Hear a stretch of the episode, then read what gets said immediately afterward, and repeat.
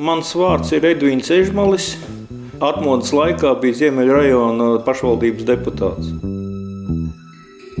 Un stāsts ir par Mangaļsalas kolhoza Auda pelēko mikroautobusu Latvija, kas 16. janvāra pēcpusdienā trāpījās Omona apšaudē uz Vecmelgrāvja tilta.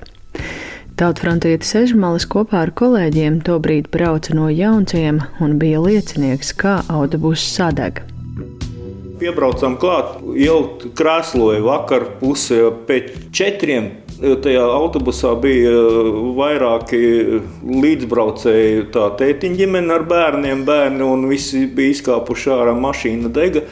Vienai no vai no tētiņa, vai, vai tai līdzbraucēji. Viena, es cik atceros, ka vēl panorāmā rādīja, ka viņai caur matiem lodes bija izskrējušas, caur matiem sašauts.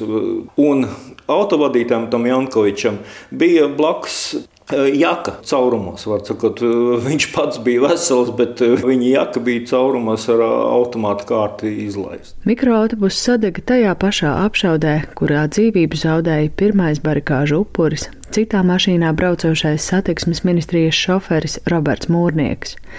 Šaujot, omanieši gribēja iebiedēt tos, kuri pie ugunskura sargāja vecmelgrāvja tiltu, skaidro Ežmals, jo tā bija strateģiski svarīga vieta. Vecmelgrāvja tilts bija svarīgs ar to, ka viņš atradās tieši tajā punktā, kad uh, omanieši no vecmelgrāvja viņu bāzes vecmelgrāvī, kas bija braucis ar vecmelgrāvja tiltu un varēja zināt viņu pārvietošanās vietu. Pirmo apšaudi vecmēlgrāvja tilta sargi piedzīvoja jau 14. janvārī, kad Oman atklāja uguni uz barikāžu dalībnieku mašīnām.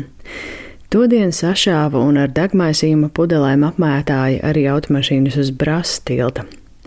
Edvīns Ežmalis atceras, kāpēc apšaudas izskatījās vecmēlgrāvī. Viņi atbrauca, sašāva mašīnas, tās mašīnas izkrupaļa, riepas sašāva, sašāva stiklus. Viss ir, ir diapozitīvi arī barikāžu muzejā, principā par tām mašīnām.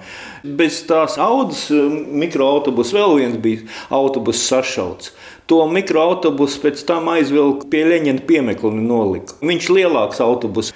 Un, uh, viņš arī bija sašauts un, un arī, kā lai saka, izdemolēts. Visu barikāžu laiku Edvīns Ežmalis ar kolēģiem patrulēja pa Rīgas ziemeļu rajonu, kur atradās arī Omana bāze, ziņoja par notiekošo un arī vakarā, kad apšaudīja iekšlietu ministriju, viņš steidzās uz pašvaldību, jo mājās nosēdēt nevarēja. Uztraukums jau bija, jebkurā gadījumā, bet mums bija pārliecība par, par mūsu taisnību. Teiksim tā, ka mēs jebkurā gadījumā tik vienkārši nepadosimies. Kaut kā mums, ne, es saku, ne, ne ieroči nekas nebija. Mēs bijām tikai morālā un gara pārliecība par savu taisnību, ka Latvija ir tiešām, kā lai saka, būtu vēlams tikt no, no Krievijas apkampieniem un, un kļūt par neatkarīgu valsti, jo tā ideja nekur jau nav zudusi.